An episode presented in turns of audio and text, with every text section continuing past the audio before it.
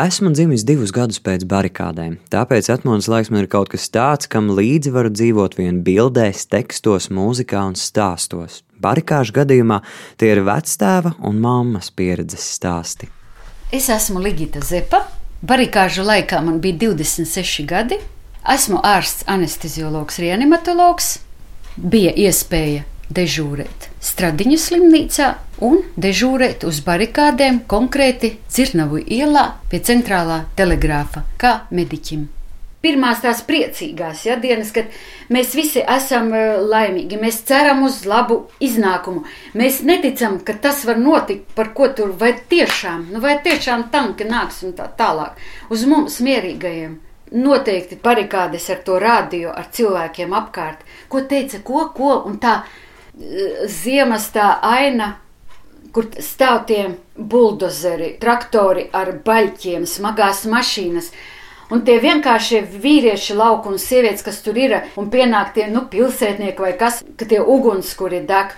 Viens ar otru sarunājas latviešu atturīgie. Ja? Viens otru kaut ko pabalsta. Mana mamma nožēlo, ka dodoties uz specializācijas kursiem Rīgā, no mājām Varakļānos līdzi nepaņēma savu zenītu fotoaparātu, bet viņas vārdiem Latgales pusē pat dažas dienas iepriekš nekas neradīja aizdomas, ka šāds notikums varētu atgadīties. Kādu brīdi pat licies, ka pēc 4. maija neatkarības deklarācijas pieņemšanas viss esot sācis virzīties un kārtoties, bet tad pēkšņi šoks atmodas pirmo vāku rotā attēlu no Lietuvas. Man acīs joprojām ir tā bilde, kur tanks un zem tanka ir tā, kā var redzēt sievietes kāja, nu vai var sakot, var redzēt, tur ir cilvēki, viņi brauca mierīgām iedzīvotājiem virsū, ja. Lietuviešus mēs vienmēr esam uztvēruši kā savus broļukus, brāļu tauta, un tā man bilde acīs joprojām, un es nevarēju saprast, kā mūsu armija mierīgā, ja, brauc uz, uz mierīgām iedzīvotājiem. Un tad jau sapratu, ka kaut kas nav labi. Un, manuprāt, precīzi datumu neatceros, bet droši vien pirmdienā, kad es aizgāju uz saviem kursiem, docents Daugulis teica, kursus pārtraucam, jums ir iespēja doties mājup, vai arī palikt šeit, stāvēt posteņos, jūsu izvēle. Ligitai nesot bijis divu domu ir jāpaliek. Grūti teikt, vai pirmām kārtām ieslēdzās mediķa apzinīgums vai arī nacionālais spīts, kas bija radies klausoties, kā latviešu profesori latviešu studentiem lekcijas lasa krievu valodā, vai kā kolēģi nicīgi aizrāda jaunajiem mediķiem par nepareizajā, proti latviešu valodā aizpildītām slimības vēsturēm. Un tā viņa palika dežūrēt gan Stradiņa slimnīcā, gan centrālā telegrāfa ēkā. Mēs gaidījām cietušos, jo pēc Lietuvas mēs sapratām, ka būs cietušie. Mēs bijām gatavi atsāpināt, apturēt asiņošanu. Mēs bijām kā mediķi, lai būtu klāt, jo vienu gan sapratām, ka aizvest uz slimnīcām droši vien nevarēs. Stradiņi bija visi tukši, jā. Ja viss bija atbrīvots. Jā, bija, jo gaidīja daudz cietušo tomēr.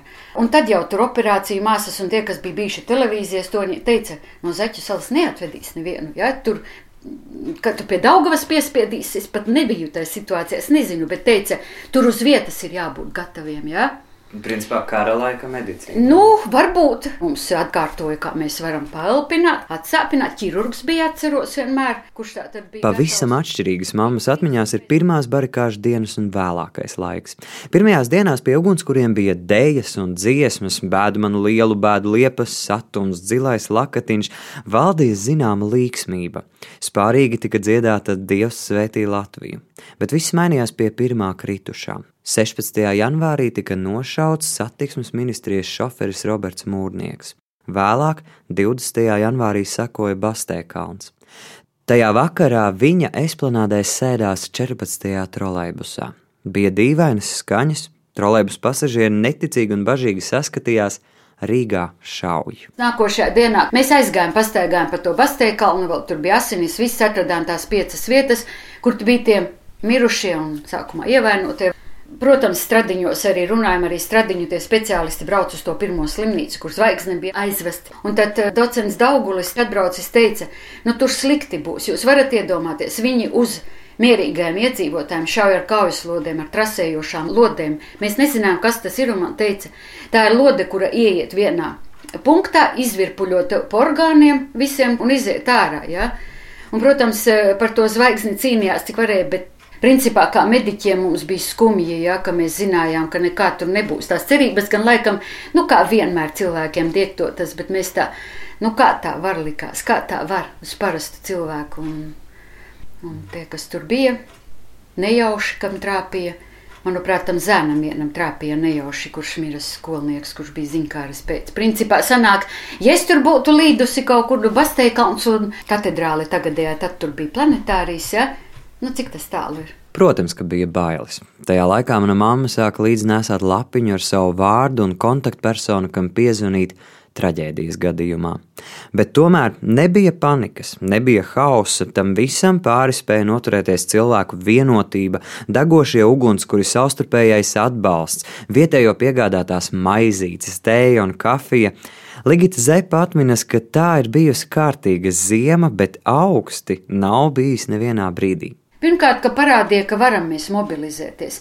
Parādīja, ka nu, mēs laikam, kad ir mūsu švaki vai ko, mēs varam nu ne visi, bet vairums. Varam sadoties tur alkoņus, kā zāģes zobi saķerties, ja, ar savām rokām, ķermeņiem, mutēm, valodu. Mēs varam, ja vajag ļoti mobilizēties, nostāties.